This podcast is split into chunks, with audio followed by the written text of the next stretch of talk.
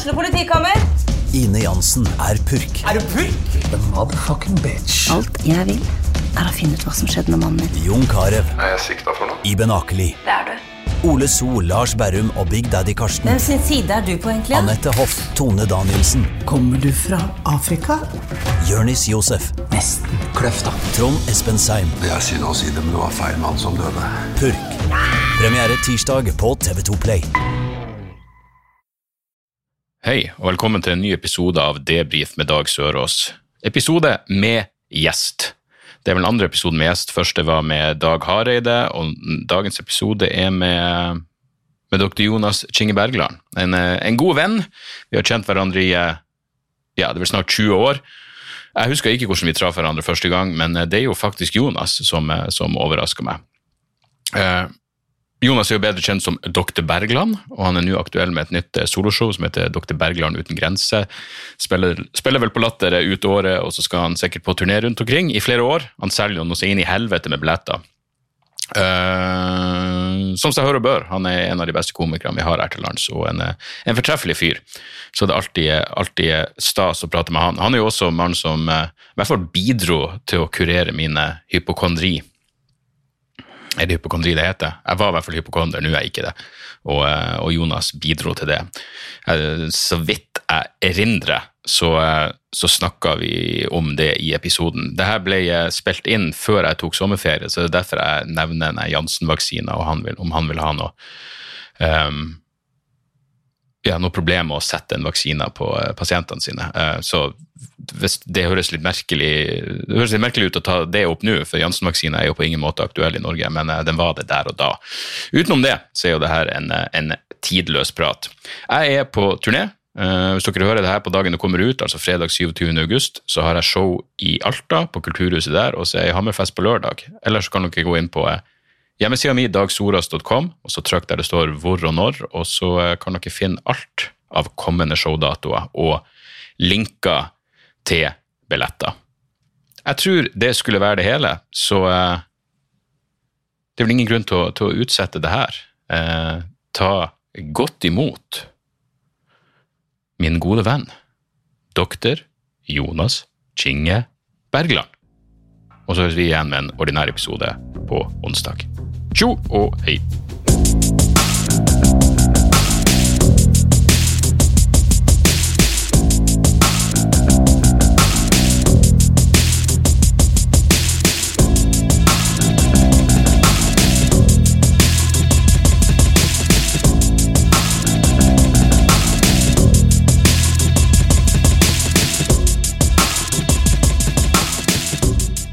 Hallais, Jonas. Hei. Ja, kommer rett fra jobb.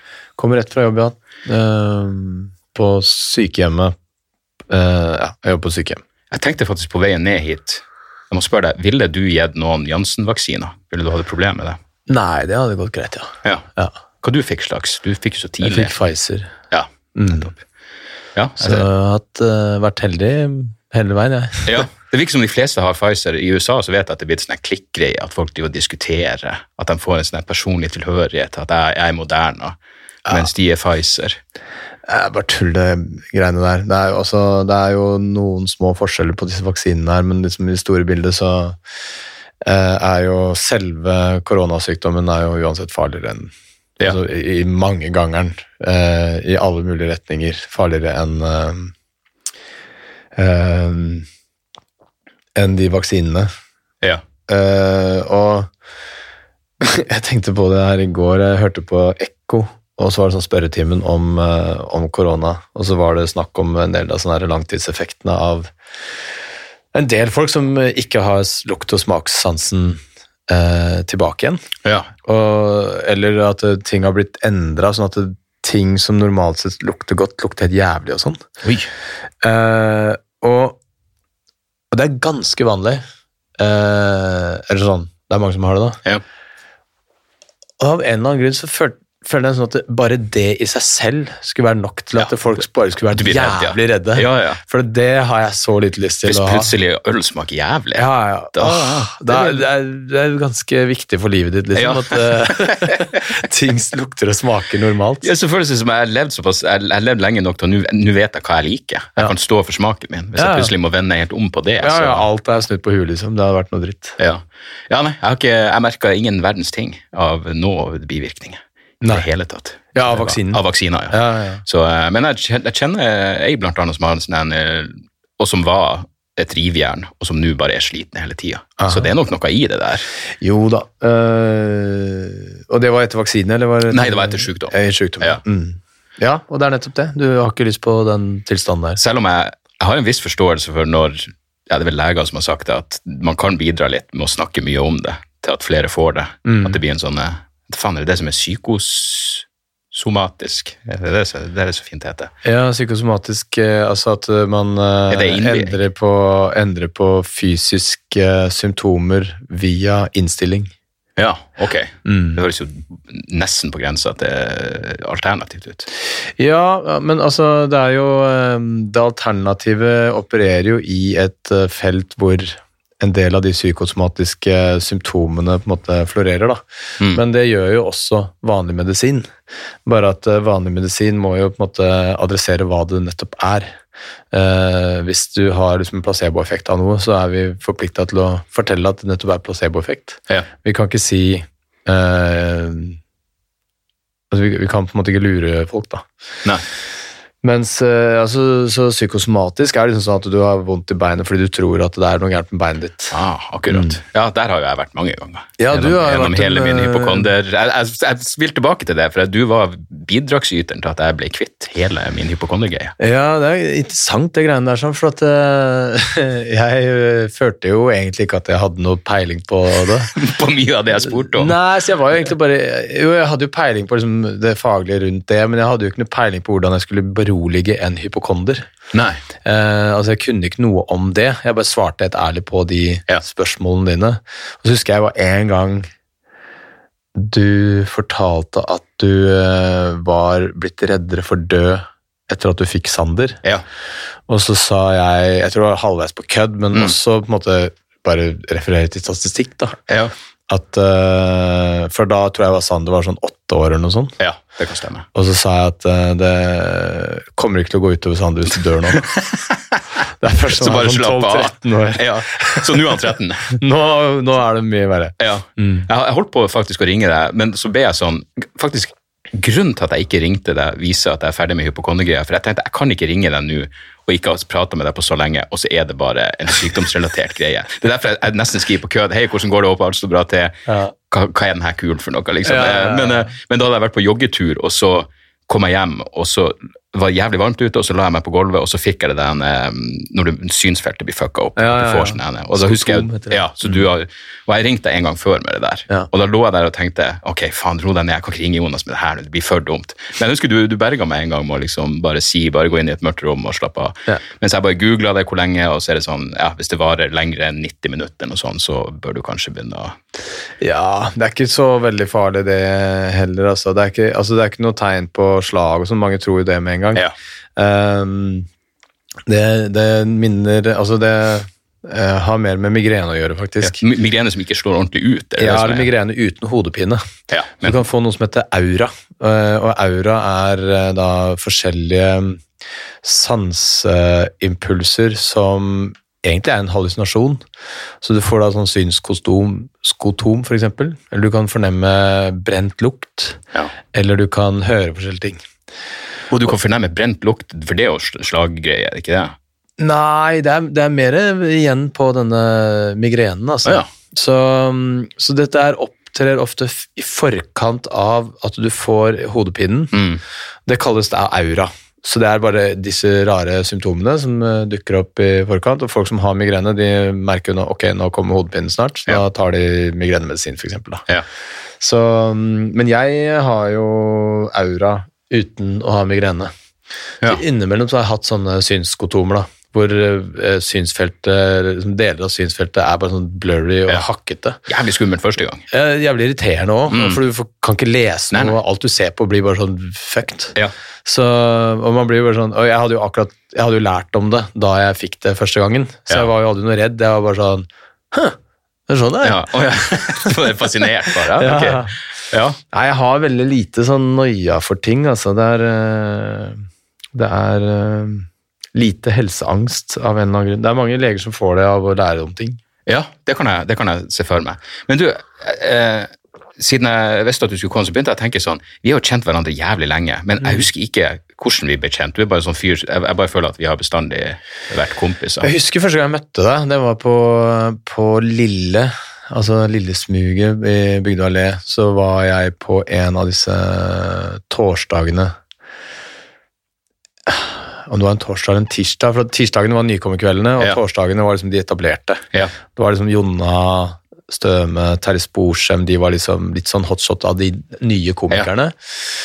Og så hvem var det som var størst i Norge? Tommy Steine, kanskje? ja. Jeg husker By og Rønning var jævlig stor da. By og Rønning var, men de var egentlig samme generasjon som oss, men de hadde blåst opp så jævlig fort, så de liksom De ble stjerner i løpet av bare noen måneder, for Ja. de var så jævlig dyktige.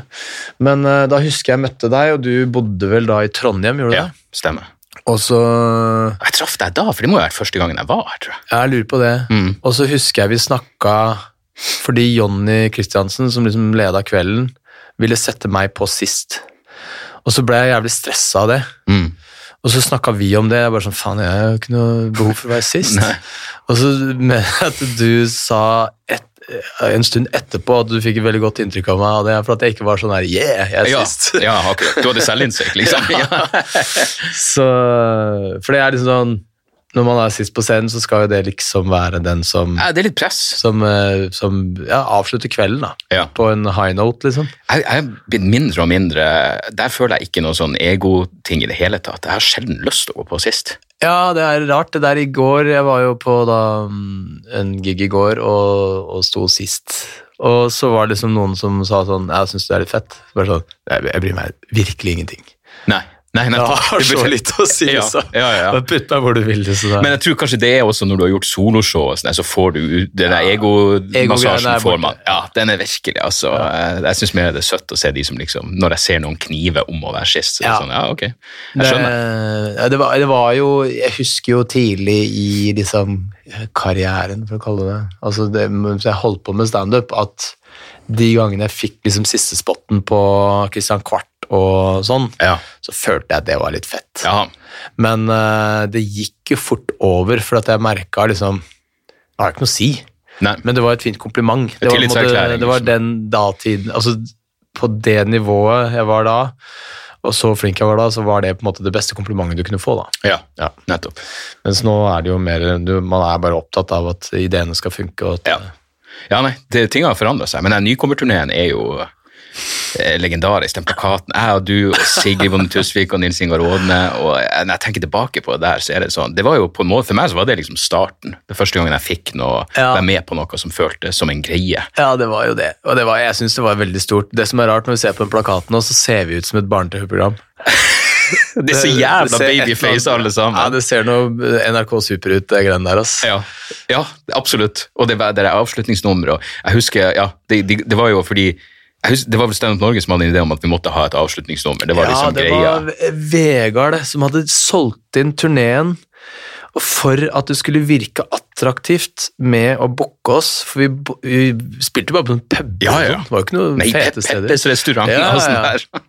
Og så, og så han solgt inn med d- Og det hele avsluttes med et forrykende avslutningsnummer med alle fire på scenen, og vi bare Vi har ikke avslått det her! Jeg gikk, vi vi pratet om å gjøre en rapp. Jeg begynte jo å skrive rapp. Ja, du skrev jo masse rapp. Ja, ja, ja. Jeg skrev det. Jeg Du skrev jo rapp. Jeg hadde flere, flere sånn firelinjer. Ja, ja, det var helt utrolig. Og så endte vi med at Jeg lurer på om Nilsi rappa. Nils i rappa, eh, Sigrid på bratsj. Ja. Nils, eh, Nils i rappa, Sigrid på bratsj. Du dansa Michael Jackson, Ja. og jeg spilte blokkfløyte. Ja, og det er jo Og det, hadde, det var verre enn det høres ut.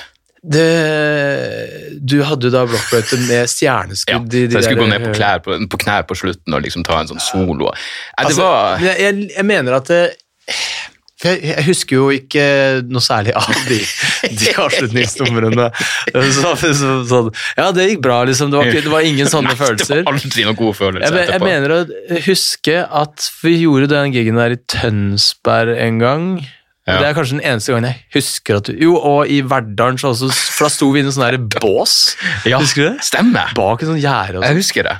Ja, fy faen, det var grusomt. Men i hvert fall Jeg tror det avslutningsnummeret var så rart og så dårlig, men det sprika i så jævlig mange retninger, Ja, folk ja. visste ikke hva de skulle se Det var så på. på en gang. Det var, så det var liksom eh, Jeg tror ikke de på en måte fikk det for seg at de kanskje burde bue. Ja, ja. For det var sånn Hæ, liksom? Og så gikk det- jo ganske fort over. Så bare. Takk for oss. Det var De bare dritkort. Jesus, ja. Jeg husker Sigrid ble forbanna på meg en gang, fordi altså det her er bare mitt minne, men mitt minne er at Nilsi bestandig hadde lyst til å gjøre det. Han pusha på at vi skulle gjøre avslutningsnummeret. Ja. Sigrid var veldig negativ. Jeg tror kanskje du var i midten, og jeg var, jeg var også i utgangspunktet negativ. Men det var et par ganger hvor jeg og Sigrid ble, ble enige om at ok, vi setter foten ned, vi gjør ikke det her i kveld. Men jeg var jo først på, så jeg var jo full når alt var ferdig, og da var jo jeg Hei, kom igjen! Jeg er klar for å gå ut og få applaus igjen og spille blokkfløyte. sur på deg, Ja, altså. ja, hun var sur på meg, fordi, jeg mener, godt poeng. Jeg var jo en sellout. Jeg hadde jo, jeg hadde jo bestemt meg sammen med henne for at nå skal vi stå opp mot, eh, mot Nilsi, og så Ja, endte det opp med at ni år senere så var jeg klar for blokkfløyta. Altså, eh, det er jo min liksom, jeg vet ikke, guilty pleasure eller hva det er, men det er jo noe av det flaueste uh, som fins, egentlig. Det er jo voksne menn som danser Michael Jackson. Ja, i hvert fall nå. Ja, nå er det ekstra nå, ja, nå, men nå er det nesten Jeg, jeg veit ikke helt, men, men Og uh, ulempen da med det er at det Og jeg kan det jo ganske bra, ikke Ja, jeg husker at du var du hadde Eh, moves. for jeg har jo, jeg har jo øvd masse Det er moonwalk, var det ikke det? Moonwalk, alt mulig, Ja. liksom. Eh, og um, eh, jeg må innrømme at jeg, jeg liker det så godt fortsatt.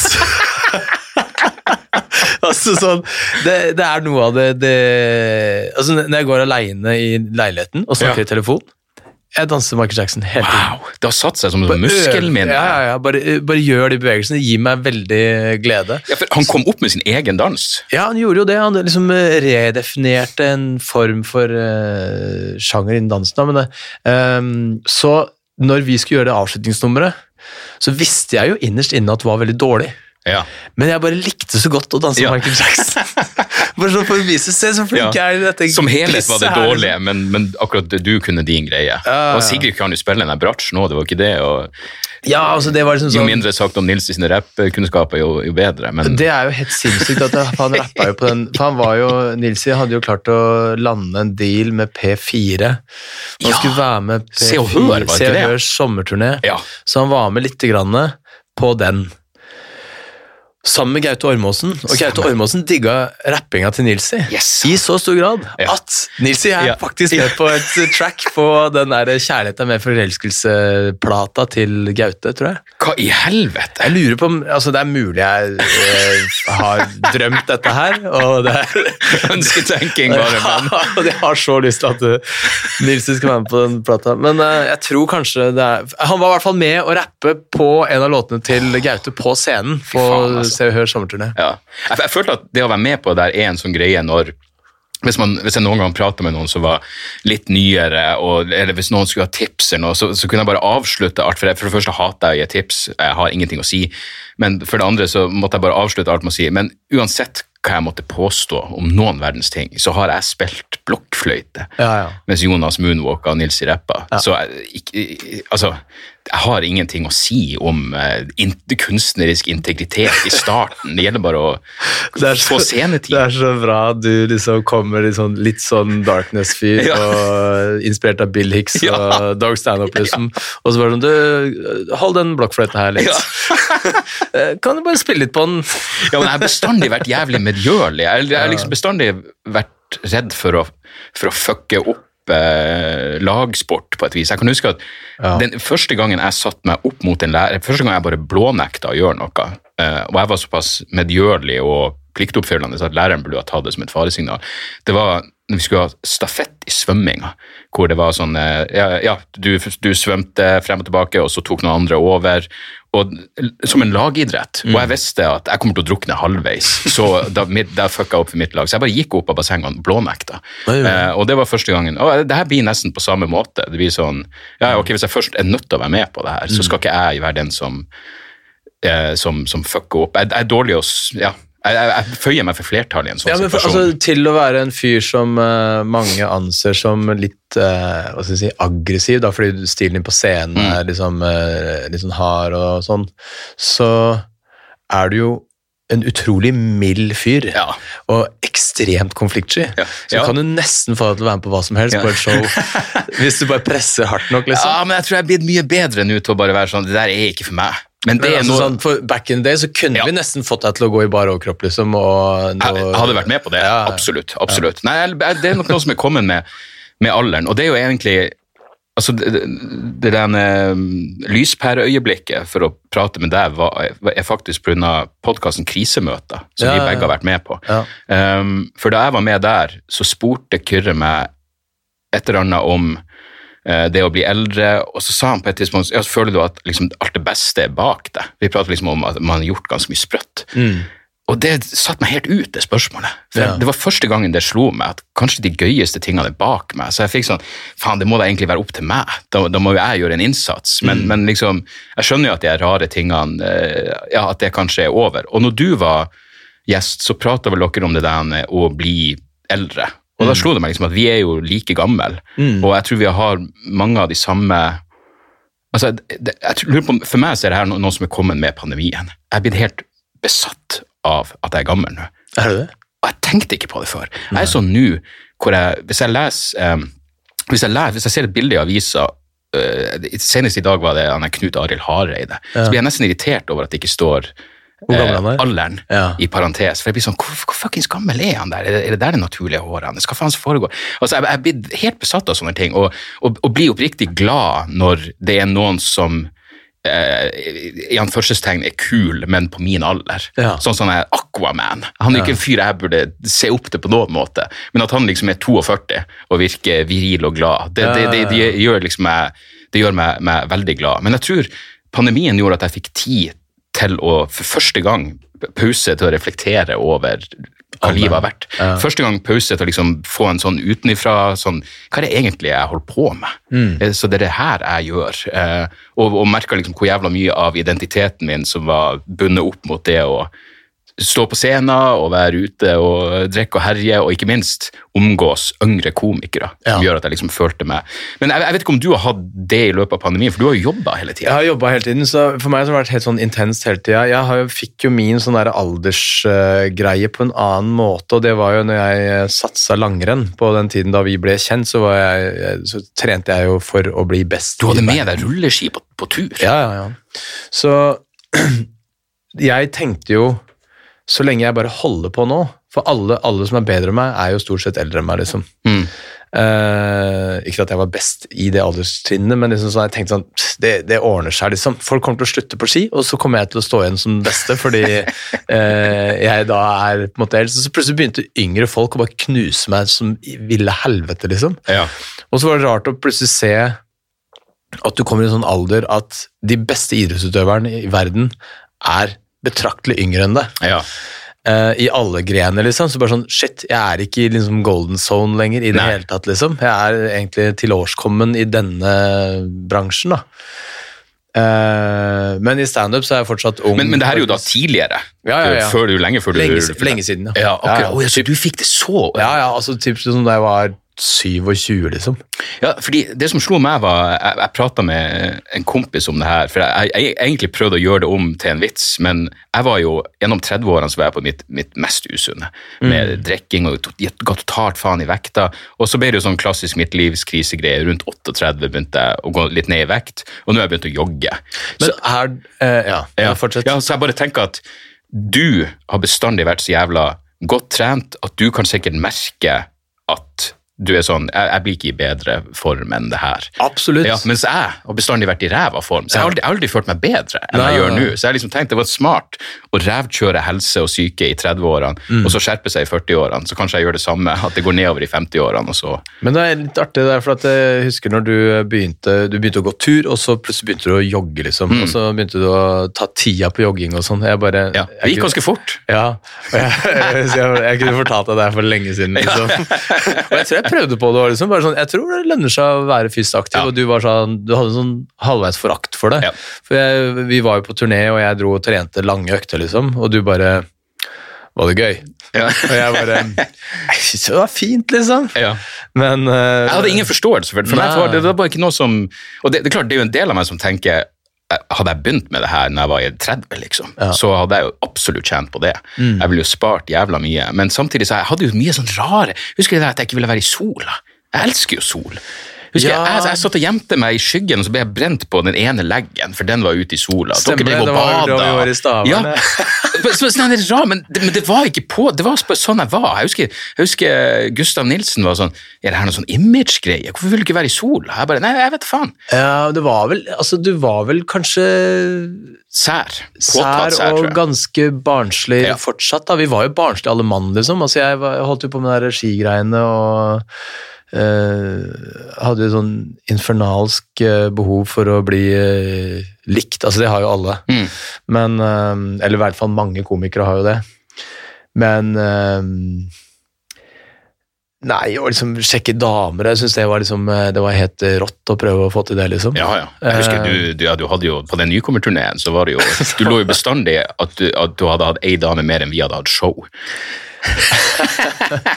Uff, var det så ille? Det var, ja, det var ille, i hvert fall. Men uh, Men eh, nei, altså det, det, var, det var jo for mye sånne der ego-greier. Et helvetes konkurranseinstinkt. Ja. Ja.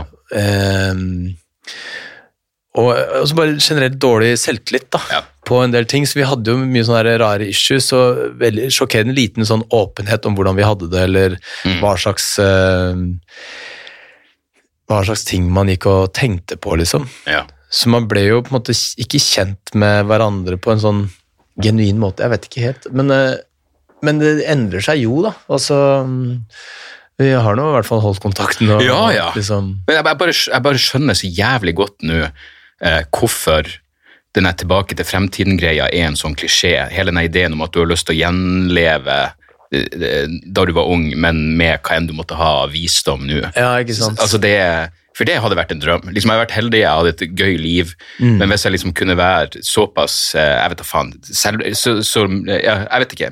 I, I eh, eh, Jeg føler jeg ganske Jeg, føler at jeg kjenner meg sjøl ganske godt nå. Mm. Eh, og jeg har blitt kvitt 90, 90 av altså de, de usikkerhetene jeg har nå, er mye mer sånn ja, sånn aldersrelatert. sånn at jeg, jeg er redd for å føle meg irrelevant. Og, men, men akkurat det her med formen din, det er jo sånn For du har jo en fordel at du er en bedre komiker enn du har vært noen gang. Ja, Så du blir jo bedre der. Ja. Det er jo Ja, og det tenkte jeg på eh, faktisk på showet i går, for at jeg snakka om eh, hvordan eh, Harald Eia fortalte om hvordan Stephen Fry hadde omtalt det å slutte med humor. Stephen Fly er jo nå med i dokumentarfilm og alt mulig sånt, men han var jo med på Not to Nine O'Clock News og alle disse tingene sammen med Rowan Atkinson og sånn, og var jo en superstjerne innen eh, humor, liksom. Men så slutta han etter hvert, og han sa sånn Jeg ble for gammel, for du har ikke lyst til å se læreren din prøve å ha på parykk og prøve Ja. å se kul ut, liksom. Mm.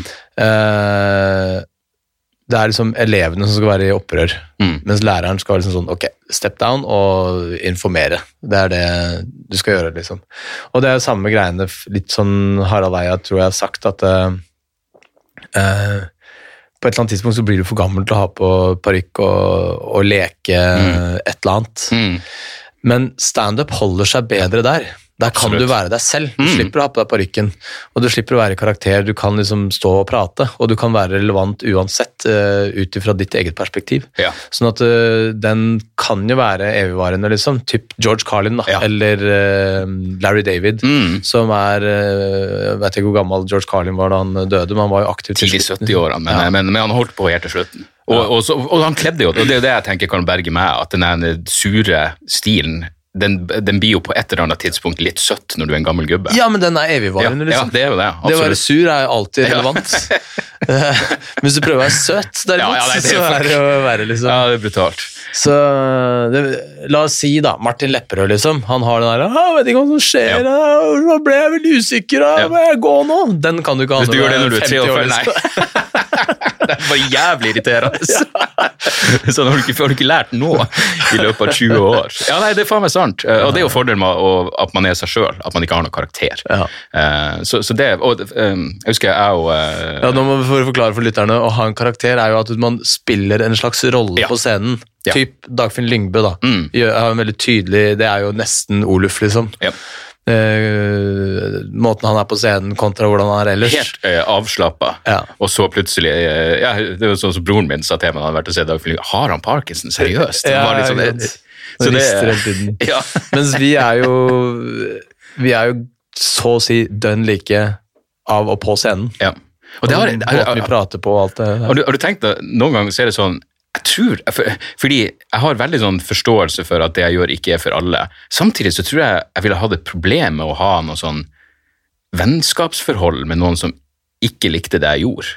For da, er det sånn, da, da liker du ikke en ganske stor del av meg. Ja, det er faktisk sant, altså. Men jeg Ja, jeg, jeg veit Det er jo ingen som sier det til deg. Nei, men jeg vet at det er sånn folk i sånn Folk jeg kjenner som bare aldri kommer på show.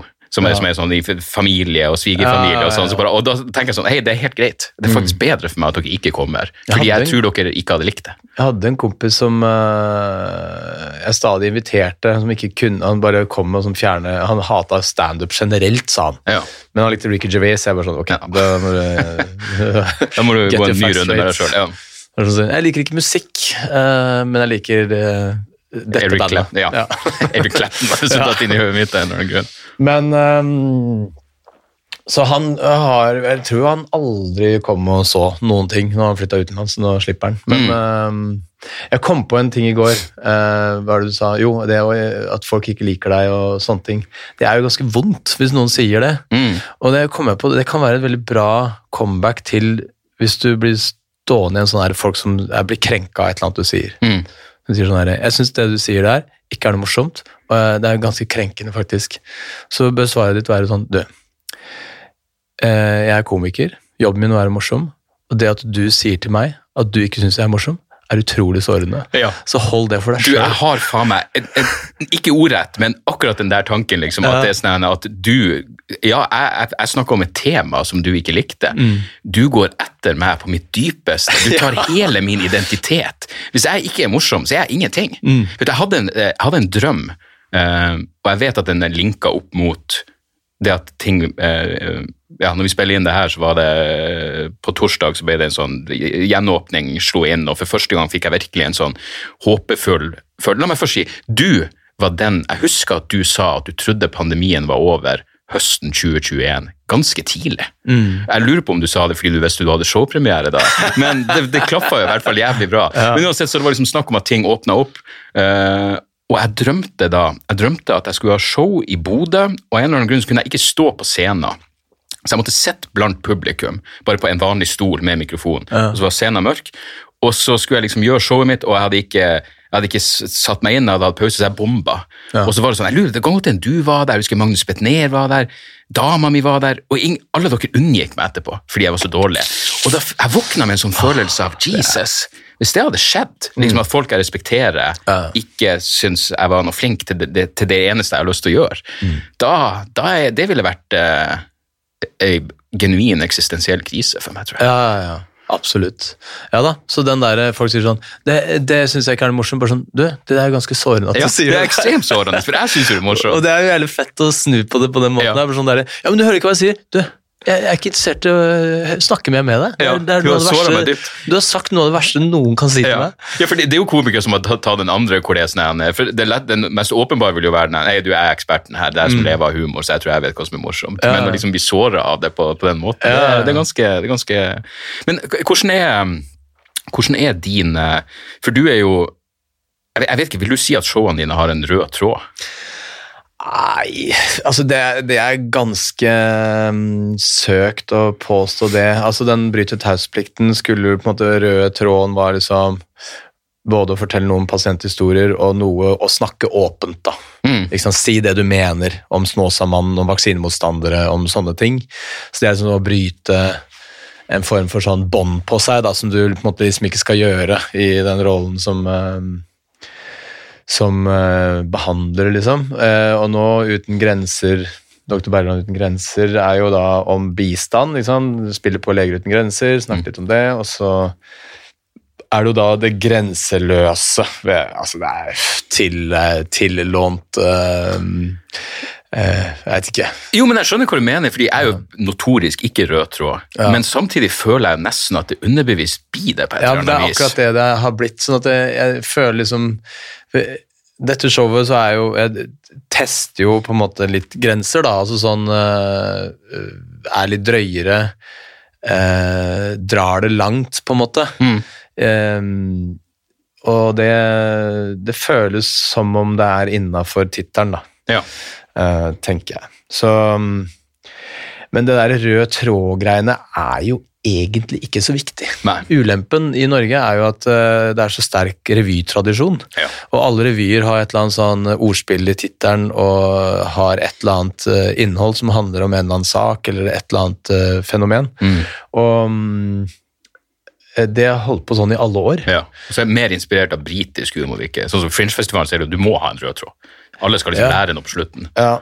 Eh, og det er jo noen ganger så flaut å se folk prøve å jeg husker jeg så, Hanke det inn, ja. ja, jeg husker jeg så eh, Glenn World, som er en av de beste komikerne i verden, men han hadde altså en så, den røde tråden, det var så påtatt. Hvilket show var det? Eh, det var et eh, Hva faen heter det hvor han prata om eh, stemmen i hodet sa det her, og det var liksom den gjennomgangstingen. Og jeg tenkte sånn, Det er unnskyldning for å prate om nøyaktig hva faen du vil. Og så sa den lille stemmen i hodet. Å ja, ok.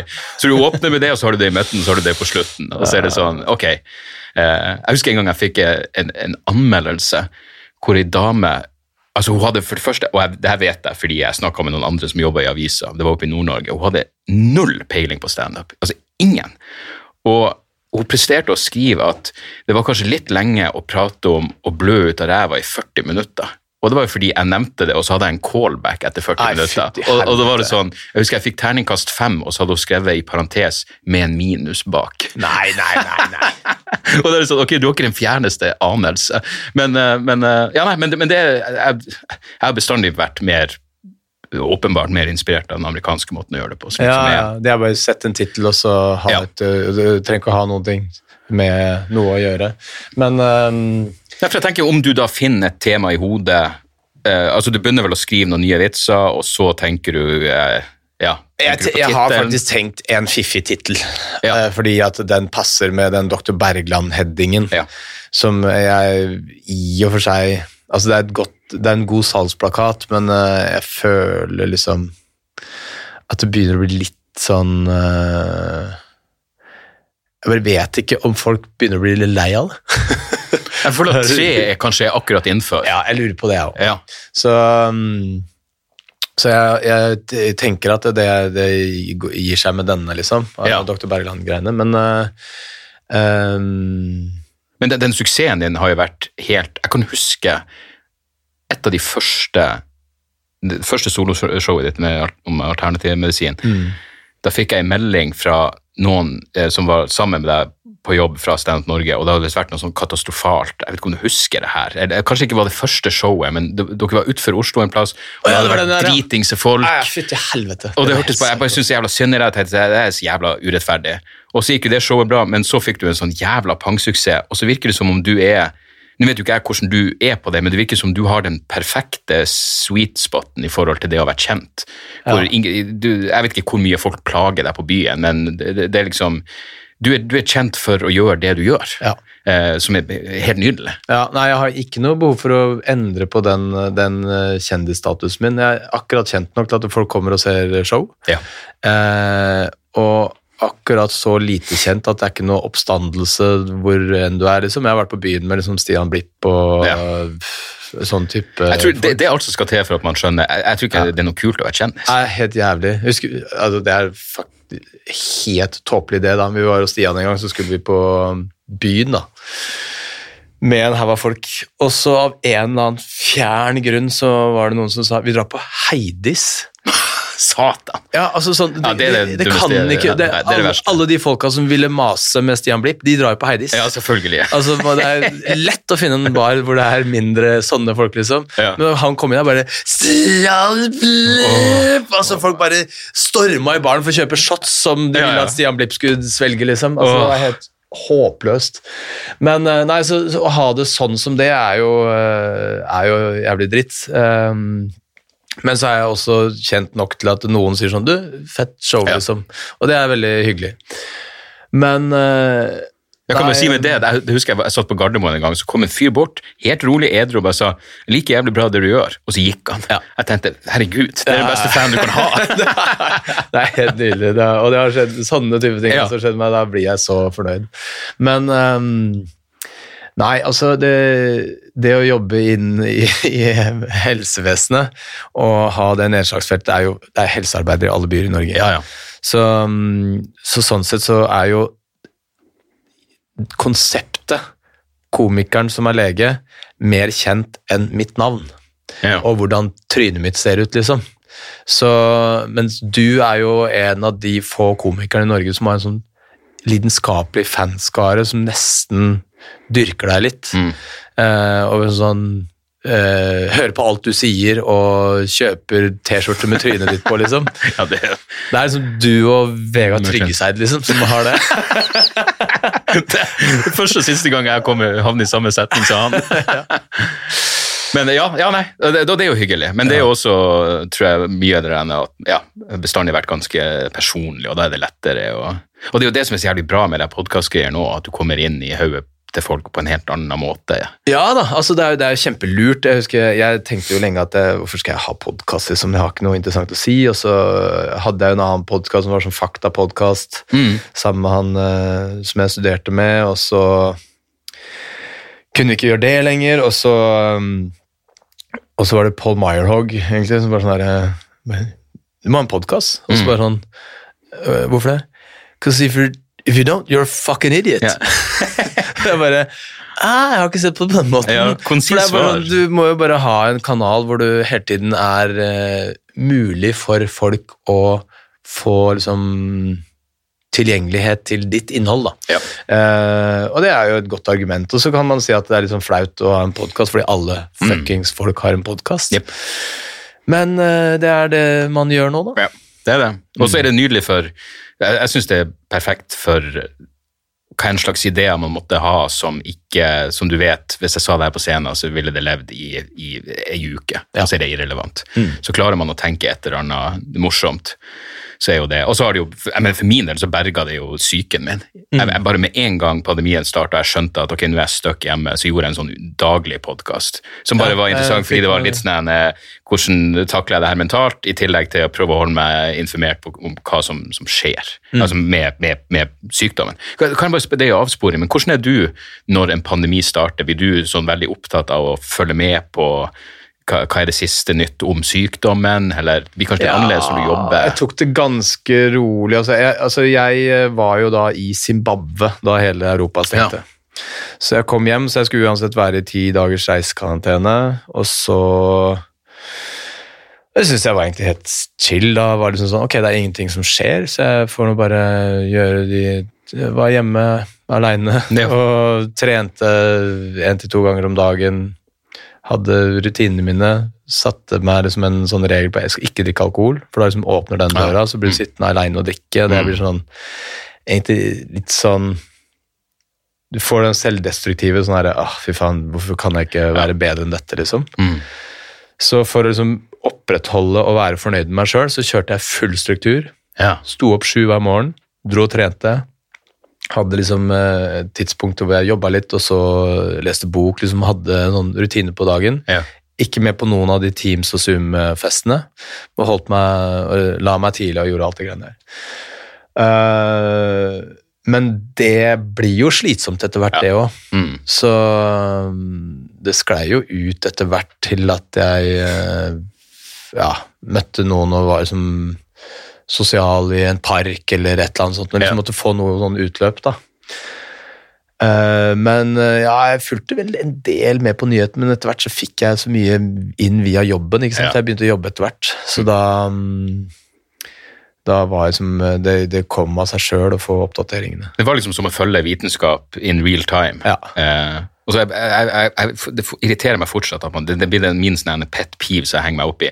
Hvorfor tar vi ikke en sånn ny runde på Her er det vi vet, f.eks. om overflatesmitte, hvor marginalt det er. Ja. Når CDC kommer ut med en rapport, det er kanskje ett dokumentert tilfelle på verdensbasis av overflatesmitte, kan vi ikke da slutte Ja. med å tørke på stoler? Alt er tøv. Mm. Eh, men det er akkurat så Jeg vet ikke, det, det er jo ikke fallitt. Det, det, er jo, det, er jo, det er jo en positiv ting å si. Vi trodde det her, nå vet vi bedre. Ja, det er et eller annet rart med, med det å på en måte få eh, en befolkning til å følge eh, smittevernsregler for å hindre smitte, så blir det veldig fort befengt med en del ritualer.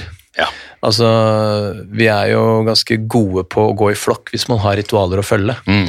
Og ikke sant, det å unngå eh, hilse, eh, ikke klemme, eh, gå med munnbind, alle de der, og på en måte følge den flokken, og alle disse tingene som kanskje er meningsløse, da, typ det å tørke av de flatene, er ritualer som eh, skaper en bevissthet, Ja. opprettholder eh, våkenheten. Mm. For liksom, ok, dette her er faktisk alvorlig. Mm. Så hvis du liksom tar bort en del av de tingene, så tror jeg nok folk hadde blitt mer slepphendt med det andre også. Ja, ok. At det Så- blir sånn en eh, nudging-greie. at du...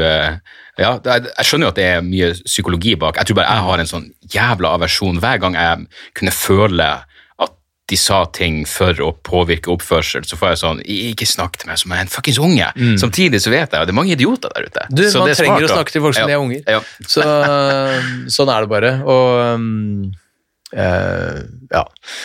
Jeg vet ikke, altså jeg tror ikke dette, Når jeg snakker om de ritualene, at det, jeg tror ikke det er en bevisst strategi. Nei. Det begynner som eh, et eh, forsøk og en helgardering, og så finner man kanskje ut at eh, ok, det var helt meningsløst. Mm. Typ munnbindene, da. De har funnet ut at det, det er i hvert fall én av veiene, så smitter det jo altså sånn uh, som vanlig Mm. med munnbind. Uh, altså du smitter andre i mindre grad hvis du har på Ja. munnbind. Andre veien så er det Nei, jeg tror det er fortsatt påfallende mange som tror at man bruker munnbind for å beskytte seg sjøl. Ja, og det stemmer jo ikke. Nei, nei. Og det, det er helt utrolig for meg at noe, og smarte folk som uttaler seg og har liksom eh, Ja, det var en fyr jeg bare hørte nå som prata om liksom, Når du sammenligner munnbind med kondomer, så er det sånn Jeg, jeg tror du har eh, Ja, kanskje kondomanalogien for så vidt funker, men eh, men, men, men jeg, jeg, jeg tror bare det er en sånn instinktiv greie. Det føles som om du beskytter deg sjøl. Mm. Ja. Når du står tettpakka på folk, så, så virker det som om Og det virker bare logisk. og Selvfølgelig må det her beskytte Ja, deg på et eller annet vis. Ja, det er veldig sånn rar psykologi det der. Ja. Men eh, nei, så jeg har liksom fulgt med, og så har jeg tenkt at eh, uansett hva som skjer, så kommer jeg til å få vite det, for at det er på liksom eh, Jeg trenger ikke å vite, få vite det først. Nei. Så jeg husker når folk begynte å snakke om ja, de forskjellige vaksinene og sånne ting, da. Og når AstraZeneca-tallene kom inn, og folk begynte bare sånn her Og det, det var jo skrikerier overalt. Mm. Så var det ikke sånn at jeg måtte kaste meg på VG med en gang for å se ok, hva, hva er det som foregår. liksom. Nei. Jeg kommer til å få det inn uansett. Ja, nettopp. Og det var veldig sånn eh, På en måte en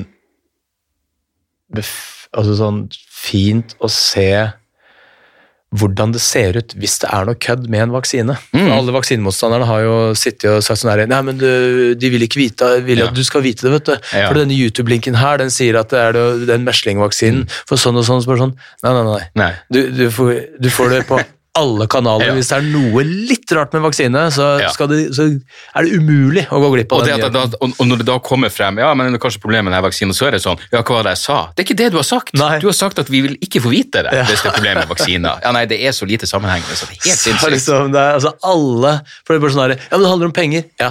For aviser har lyst til å tjene penger, de òg. Ja. Og de vil selge dårlige nyheter. Ja, fy faen. Altså, Dagbladet er blitt så ille at de, de, de, de nesten så jeg føler for en moralsk boikott. Eh, men også på mange områder. Så du når de hadde når det, når det sto 'smalt' i Oslo? Og så hadde de et kart som så ut som det var en eksplosjon. Det er det alle tenker når de ser det kartet. Og så var det bare for å vise at folk har beveget seg mye.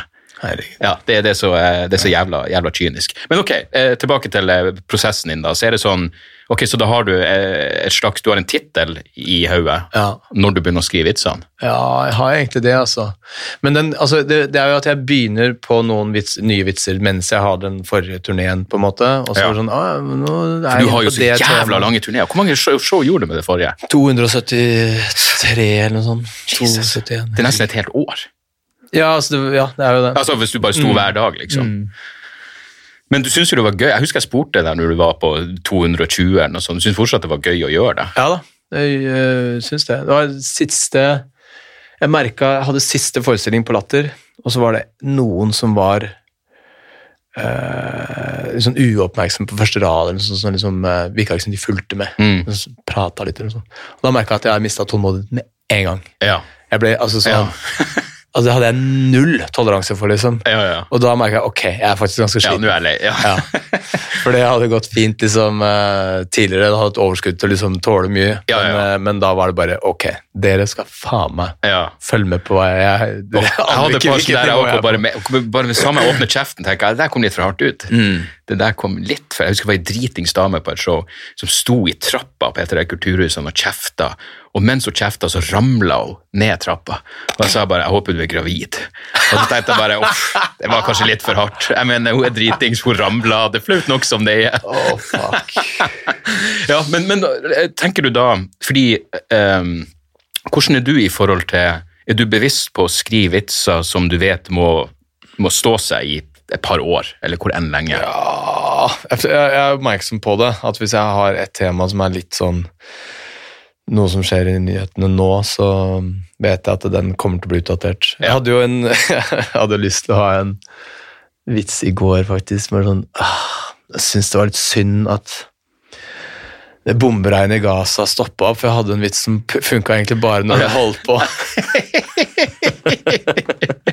Det er jævlig gøy. Men det, det, hvis det er noe trøst, så starter det garantert opp igjen. så. Ja, ja, da kan jeg bruke den vitsen, og den vitsen er at eh, ja, Jeg har ikke så mye å si om eh, Israel og Palestina, men eh, jeg skjønner ikke at disse palestinerne gidder å bo så trangt. Ja. Jævlig fint.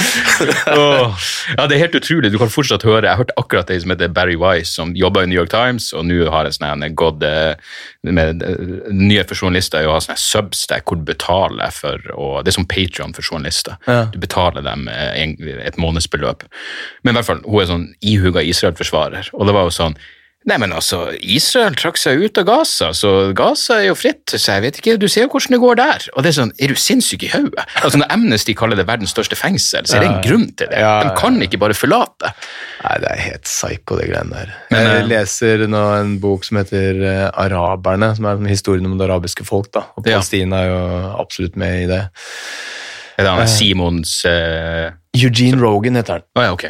Så mm, Men den der Balfour-deklarasjonen av 1917, hvor eh, britene bare Del opp. Vil dere ha det området her? Ja. Så bare sånn, Det bor folk der fra før. Ja, men jeg, ikke se. jeg, Ja. Dritt i det. Jeg tror det var da han var sånn, eh, du er kongen i Irak. Bare, Irak? Ja, det er, det er nok, det er en ting. Irak er en greie. Ja, det var han eh, Faisal, det som, eh, som eh, egentlig var konge i eh, Syria. Ja. Og så var det noe kødd der, så bare sånn Ja, du kan være konge i Irak Ja. istedenfor. Ja. «Ja, Det er en grei måte å gjøre- grei måte å Hva- gjøre Hvor det er på. den? Der nedi der. Ja. ja, men det er bestandig interessant med sånn der eh, den type ting hvor jeg ser smarte for, og jeg er garantert skyldig i det, fordi jeg er bestandig, det meste av det jeg har lest, for av og til får jeg sånn her, ja, hva er, fortell, gi, gi meg um, et tips om en, eh, en, en nøytral dokumentar eller bok om konflikt. Altså. Det finnes ikke, og 90% av det jeg leste, er pro-Palestina, så jeg vet at det er en blindsone. Mm. Men liksom Aron Flam, en svensk komiker, jævlig smart fyr, men når det kommer til jeg hadde en frem og tilbake med han på eh, Twitter eller en eller annen plass, hvor han bare er sånn Jeg bare ser at du, du har egentlig ikke tenkt over det her. Han er sånn Ja, men hvis det var dine unger som eh, måtte gjemme seg i bomberommet når det kom raketter, så ville du at eh, myndighetene dine skulle gjøre hva som helst for å stå tilbake. Det er sånn, Jo da, men jeg vet ikke helt om jeg kjøper det premisset. At du begynner konflikter der. Og for det første ville jeg vært takknemlig for at vi da har et bomberom. På den andre sida, hvis mine unger vokste opp på Gaza, og vi ble bomba på en regelmessig basis, så jeg, tør jeg ikke engang å spekulere på hvordan jeg ville reagert. Nei det er helt sinnssykt å prøve å sette seg inn i begge de sidene der sånn. Det er bare Ja, jeg må innrømme at øhm, Jeg er litt lei, lei Ja, av den jeg tror, det, jeg tror det er derfor, jeg tror det, det, det er Israel sin største allierte er liksom tid. Ja. For folk blir bare sånn Og det er enda mange som bare er sånn Ja, ja, da må du bare drepe hverandre. Ja. Det er sånn, hverandre? Ja, ok, du skal se på statistikkene, så, så ser du at det er ganske ensidig. Men, eh, men ja, man blir jo, man blir jo Og så er det mange som med rette tenker Hvorfor er denne konflikten så jævla hvor, Hvorfor får den så mye oppmerksomhet, Ja. gitt alt det som foregår? Men jeg tror den blir så symbolsk for, eh, for, for mye annet. Ja. Men en annen ting som har slått meg med deg, er at du liker å reise alene. ja. Det, det, det, jeg kan virkelig ikke forstå det. Jeg trives greit i mitt eget selskap, men jeg, får helt fnatt av tanken på at jeg hver helg skulle reise rundt og gjøre showet mitt alene. Jeg husker jeg, fikk, jeg var på sånn, jeg ble innkalt til en møte med Stand Up Norge hvor de var sånn der Ja, ok, det, nå selger du det her, det blir jo en lang turné og sånne ting, og vi lurte på liksom De var jo liksom bekymra for meg, da. Mm. Eh, og sa sånn Ja, du lurte på om du skulle ha med en fyr som kunne funke som tekniker og ordne som hotell og flybilletter og alt mulig sånt. nå. Og så jeg bare eh, Nei. Fordi da må vi henge sammen. Ja. Ja. Eh, altså sånn, for da blir det mer drikking, det blir mer sånn der, tvungen sånn ah, Skal vi spise på denne restauranten? Altså sånn, Jeg er veldig low maintenance. Mm. altså Flybilletter, hotell og alt mulig sånt nå går jo av seg sjøl, trenger Ja. ikke noe til det. Eh, teknikk, jeg hadde med meg en USB-stikk Mm. med intromusikk Ja. og utromusikk, liksom. Og en eh, bag med treningstøy, en eh, ekstra skjorte og de skoene jeg hadde på scenen. Og det var det. Og så når jeg kommer til en by, så går jeg gjerne en tur. Eh, setter meg på kafé, leser bok og hører på musikk, liksom. Det koser jeg meg så sinnssykt. ja. Føler, altså jeg har sånn romantisk forhold til det der dra på turné og da se nye byer, sette meg på en kafé som er koselig, og liksom bare føle at nå er jeg i denne byen. Mm. Jeg, skal, jeg har ikke noe dårlig tid. Skal ta en treningstur, løper et eller annet sted, gjør showet, ta én øl i hotellbaren Mm. og gå og legge meg. ja, men faen. Altså, jeg kunne gjort det deler av turneen, men jeg bare tanker på at det skal være Ah, Jeg vet da faen. Jeg, jeg, men det er klart, jeg er jo mye mer på Jeg, jeg har jo en lydmann med meg, Steven, Ja. og vi er heldigvis på det nivået at at hvis jeg en kveld ikke skulle føle for noe, så er ikke det noe problem. Nei, men dere er jo kompiser. Ja, så Så, så det er noe så, liksom. Mm. Men jeg gjør det jo egentlig litt for å liksom unngå å, å drikke så mye og sånne ting. For jeg Ja. vet at når man drar på sånne turer, så er det liksom Det er naturlig å ta i hvert fall to-tre øl, da. ja, ja, Og det blir jo gjerne til fem og sju liksom også. absolutt. Så Jeg prøver å berge meg med å minst ha en sånn greie om at jeg, jeg tar en løpetur, uansett hvor bakfull jeg er. Ja. Eh, for da føler jeg liksom at jeg har i hvert fall gjort et eller annet for å veie opp for det. Det er så eh, langt unna hva jeg hadde trodd om Ja, det er ti år sinnssykt ut å si liksom. det. Ja, det er jo sinnssykt ut å si det. Men, men det er klart, jeg blir jo bevisst på uh, Og sånn sett så har jo selvfølgelig pandemien det har blitt atskillig mindre. Sånn som nå har jeg hatt ei ganske hard helg, og jeg merka at det er lenge siden jeg hadde den følelsen av at det er mandag. Jeg har ikke noen dagsfølelse for noen ting. Og, hva faen var det som skjedde i går? Alt det der, det er så lenge siden jeg opplevde det. Og jeg vet ikke nødvendigvis om jeg har savna det så mye heller, men det er ingen tvil om at jeg savna folk. Men jeg klarte i hvert fall å sette en sånn Ok, jeg tar et par glass vin når jeg spiller inn podkasten, og så ikke noe mer. Mm. Og jeg har bestandig vært ganske god på det. Jeg kan, jeg kan eh, eh, Hvis jeg treffer noen, ta et par øl klokka fire, og, og så er det ikke sånn at da må jeg, jeg, jeg kan fortsatt få den tenningsfølelsen, Mm. hvor jeg er sånn Faen, altså. Da jeg var ute og spiste var med Anne Marie og Sander, og så skulle vi dra hjem, og så hadde jeg de sånne dessertfolk. Og det, så det de jeg skal ha kake eller is, og da er det bestandig for meg perfekt å bestille en drink. Ja. Og så eh, par glass vin til maten og den drinken, da er det sånn Ja, skal vi høre om Hans Magne har lyst til å gjøre et eller annet? For da får jeg den tenninga. Mm.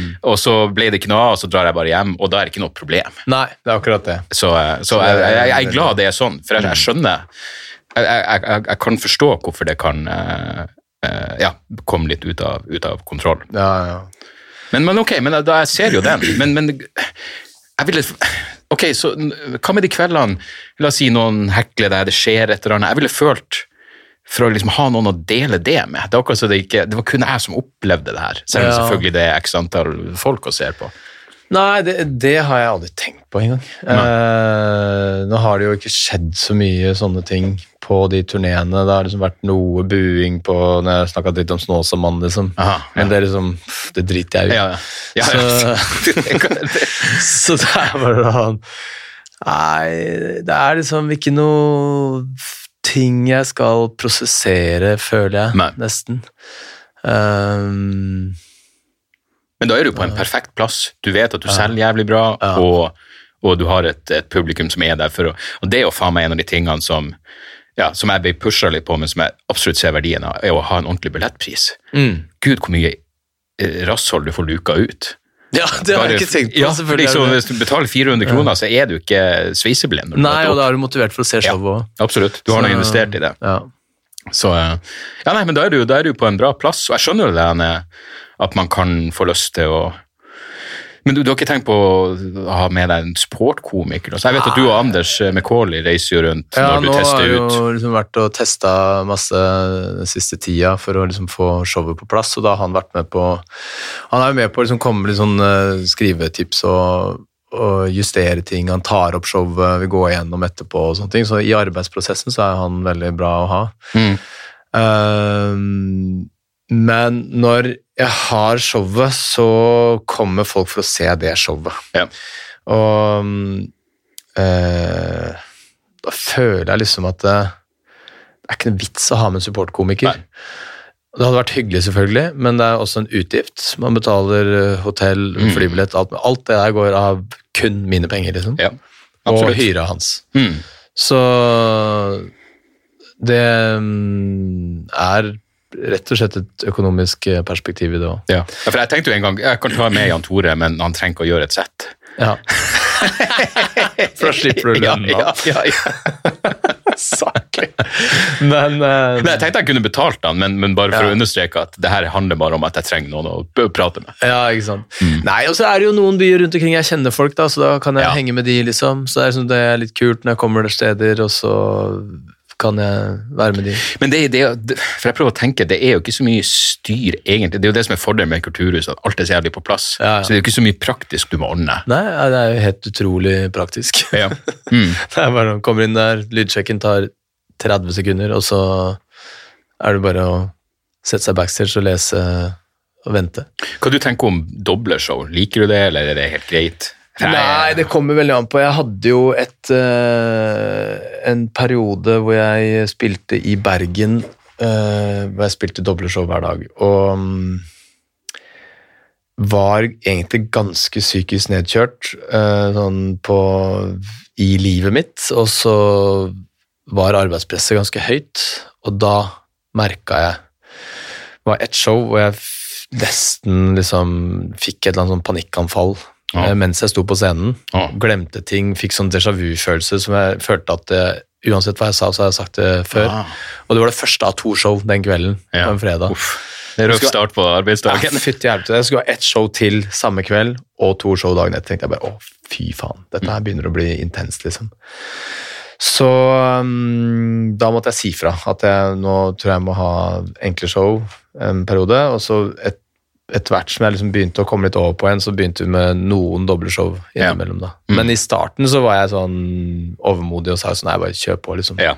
Selg ut det dere har. Mm. Ja, nei, jeg, jeg skjønner jo at det blir en sånn luksus, men jeg tenker bestandig i en ideell verden så ville jeg bare gjort ett. Men det, det å begynne halv åtte, være ferdig ni, er, altså, det er en helt nydelig følelse. Helt fantastisk. Ja. Ja. Og, og fy faen, det, altså, det, var, det, var, det var rett og slett Altså, jeg kan skjønne det der med å reise alene, av og til kunne jeg gjort det, men fy faen, det, når jeg turnerte nå i fjor høst, Mm. når liksom det var pandemi, maks 200, og alt er stengt når du er ferdig. Mm. Hvis jeg hadde vært alene da, det hadde vært så miserabelt. Altså. Når det var, liksom, det var mørk høst og eh, to show, og når jeg var ferdig, så var alt stengt. Det, Ja. det var ingen i gaten. Nei. Det var bare sånn, fuck, Jeg setter pris på at folk i det hele tatt gidder å møte opp når det er sånn her. For, for mange sier jo det å gå og se show det er jo en sånn helaftengreie. Mm. Ute og spise middag og bla, øl etterpå. Men så nå var det bare nei, bare møte opp der og så dra hjem. Ja. Eh, sykt kjedelig, men da var, det, da var det en trist følelse. Jeg husker jeg vandra innom Tromsø, det var ikke et menneske å se klokka elleve. Ja, men Sånne ting syns jeg er litt kult. Altså, når jeg du går gjennom, Det er som å gå i sånn postapokalyptisk samfunn. Jeg syns det, eh, jeg det er fascinerende. da. Ja, altså det kommer selvfølgelig litt an på dagsformen også. Eh, jeg kan absolutt finne det fascinerende, men for meg så blir det mer eh, det blir mer bare en trist greie. Og det var, tror jeg, Jeg liker å gå midt i veien, f.eks. Ja. Når det er sånne ting. Det sånn der, altså, alltid når jeg går hjem på, på natta, så pleier jeg å gå midt i veien. Se, det her er veldig ung, ungdommelig tilnærming til livet, føler jeg. Mens jeg bare blir sånn Uff, det her er bare trist. Jeg husker eh, da jeg spilte mm, den første forestillingen, En alternativ medisin, så holdt jeg ofte ja, den og når jeg spilte faktisk Sommerlatter. Så når jeg skulle gå hjem fra Latter, så tok jeg på meg headset, og så gikk jeg og hørte på musikk. Og så gikk jeg gjennom de mest busy områdene i byen, liksom, hvor jeg da kunne se hele byen liksom utfolde seg på sitt jævligste. Masse fulle folk som Ja. grein og spøy og sto og hang på hverandre og skreik og alt mulig sånt noe. Ja. Mens jeg hadde på sånn rolig musikk, sånn der Åh, det er kult. Du vet den derre Gary Jules, den derre All around me are familiar oh, ja, ja! Fra. Donnie Darko-filmen. Ja, Mm. og så bare Du bare ser sånn der jævelskap Ja. rundt deg. Og så gikk jeg og tenkte sånn hm, Alle de her har stemmerett. Ja, ja. Jeg, hadde en, jeg hadde en tilsvarende opplevelse en gang, husker jeg, mens jeg, mens jeg bodde i Trondheim, hvor jeg hadde spist noe hasj, og det er jo en forferdelig dårlig idé. Eh, fordi det, det, det, jeg har nesten bare hatt dårlig erfaring med det. Det blir så ubehagelig. Men når jeg fikk roa meg ned, så husker jeg jeg satt på en uteplass, og jeg bare fikk et sånt klart øyeblikk hvor jeg så på alle rundt meg som primater. Hvor jeg ser han prøver å sjekke hun, hun prøver å sjekke han. Det var så jævlig primitivt. Ja, det er jo det. Det er jo, det er jo, det er jo dyr, liksom. Ja, det er virkelig det. Og jeg har enda ikke klart å riste av meg den følelsen. Eh, det, det, det gjorde et eller annet, med meg. Eh, vi skal snart rappe opp. Ja, da, jeg bare skulle sende melding om at jeg var litt forsinka, men det går bra. da. Men du, barn. Ja. Du er jo en av de jeg kjenner som har vært tydeligst på eh, at du ikke føler noe behov for å formere deg. Mm. Har du skifta mening på det? Du, jeg eh, eh, Jeg har ikke skifta mening på det, men jeg klarte å gjøre en gravid for en stund siden. Og da uh, merka jeg at jeg ikke fikk panikk. Ah. Folk rundt meg som visste om det, fikk veldig panikk. Mm. Og de var sånn eh, Hva faen, hva, hva, hva skjer, liksom? Og, så, og jeg bare sånn Nei, jeg vet ikke, Jeg må vente litt og, og sånne ting. Og jeg tok det helt eh, kult, det var ikke noe stress. Og jeg tenkte sånn, ok, hvis det blir, så blir det, og hvis ikke, så blir det ikke. Mm. Um, For da var, du, da var du usikker på hva avgjørelsen kom til å bli, liksom? Jeg var ganske sikker på at hun eh, ikke ville ha det, men eh, det var i hvert fall av en eller annen grunn ikke noe stress for meg. Nei. Og det var en helt sånn ny eh, erkjennelse. Ja, Um, det er interessant. Ja, så jeg er jo ikke i utgangspunktet en prinsipiell motstander, jeg bare syns det virker veldig slitsomt, og det er det jo. Det Mm. sier jo folk. Jeg husker jo deg når du Ja. med Sander hadde kolikk og du Du, bare du, blir, så- du blir så svak. Altså, du setter deg sjøl i en situasjon hvor du blir sykt svak Ja. for resten av livet. Ja, ja, ja. Så eh, Jeg tenker jo litt på det liksom sånn om, om det er helt greit helt uten. Mm. Og så når jeg prøver å se for meg sjøl som 50-åring, da. Har jeg barn da, liksom? Kanskje, kanskje ikke. Jeg veit ikke. Men Mm. Ja. det er ikke viktig for meg. Det er Nei. ikke noe jeg går og liksom gnager på. For Det er jo en lettere posisjon å være i. For Jeg kjenner jo noen som er beinhard på det, og da blir det jo en sånn Det, det, finnes, liksom- det, det ikke noe kompromiss i et forhold. Nei. Hvis en vil ha ungene, andre ikke vil ha det, så er det ikke sånn da får vi en valp, og så er vi begge fornøyd. Nei. Så eh, Nei, det er interessant, for det er jo noen eh, vi begge kjenner som liksom går hele veien og steriliserer seg. Mm. Og jeg tenker sånn Ja, ingen Mm. Nei, det problem med ville det. jeg nok men- ikke gjort. Nei. Så, mm, men det var jo et issue da jeg var i forhold, eh, det var eh, Ja, jeg syns det var vanskelig det der med å ta stilling til barn. Da. Mm. Men det var jo også fordi liksom Kanskje vi ikke var så god match. Mm. Og da var liksom Ja. Da øh, var jeg redd for å bli låst i den situasjonen som jeg på en måte var i tvil litt på. da. Ja. Fy faen, jeg husker jeg hadde en sånn eh, eh, Jeg hadde en samtale med eh, en vi begge kjenner om, eh, som, som har en unge som man ikke ser så mye til. Og så var jeg litt sånn, det er mulig jeg var sikkert litt full også, det var egentlig en litt frekk ting å si, men jeg var liksom sånn, jeg skjønner ikke hvordan i faen, jeg, jeg, jeg klarer ikke å forestille meg hvordan det er å ikke vil være så delaktig som overhodet mulig i livet til ungen din. Men da sa jo han, som sant var, at jeg vet ikke hvordan det er å ha barn med noen jeg ikke vil ha barn med. Um, og det er jo jævlig sant. Jeg, har ingen, jeg har ikke peiling på det. Nei. Samtidig vil jeg jo tro at det biologiske drivet for å liksom være der burde jo være ganske kraftig, men, Ja. men det blir jo spekulasjon, selvfølgelig. Det er jo akkurat det, ikke sant? At det er sånn, oh, du, du blir sånn slått i Når du får den beskjeden om at det er en graviditet på gang, Mm. så er det bare sånn Shit, jeg har et ansvar her. Ja. Det er ikke sånn der eh, Jeg flytter til Usbekistan-følelse. Den er ikke Nei. der, liksom.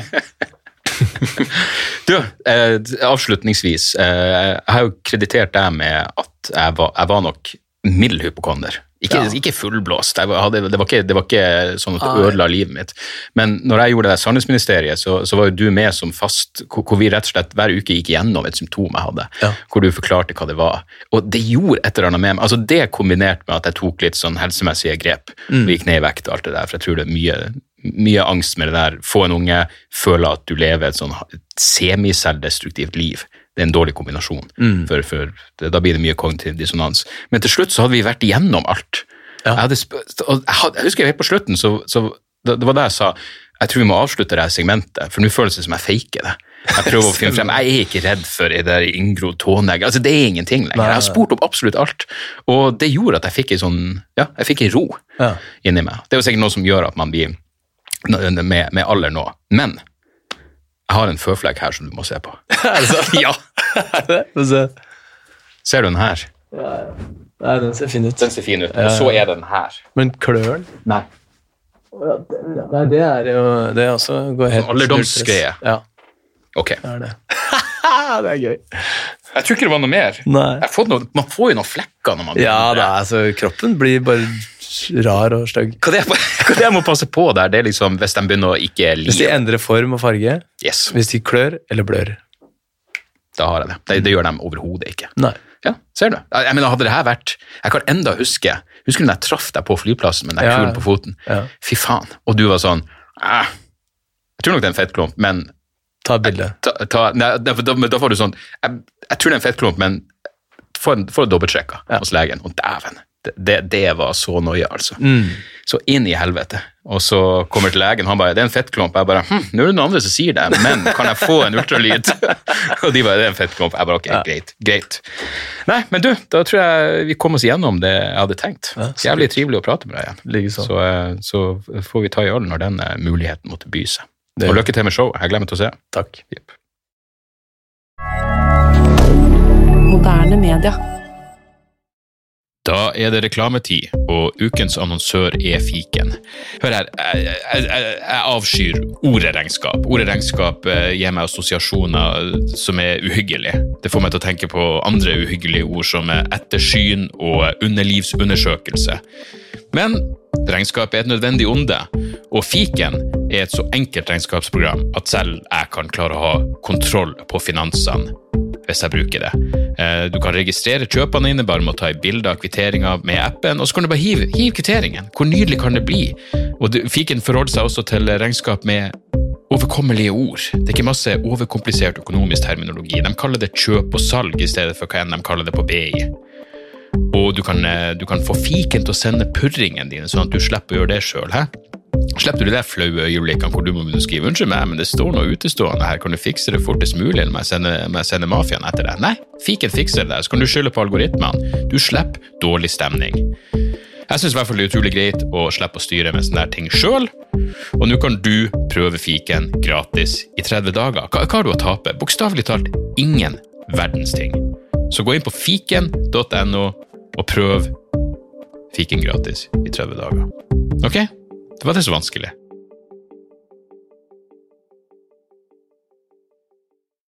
Har du et enkeltpersonforetak eller en liten bedrift? Da er du sikkert lei av å høre meg snakke om hvor enkelt det er med kvitteringer og bilag i fiken, så vi eh, gir oss her, vi. Fordi vi liker enkelt. Fiken superenkelt regnskap.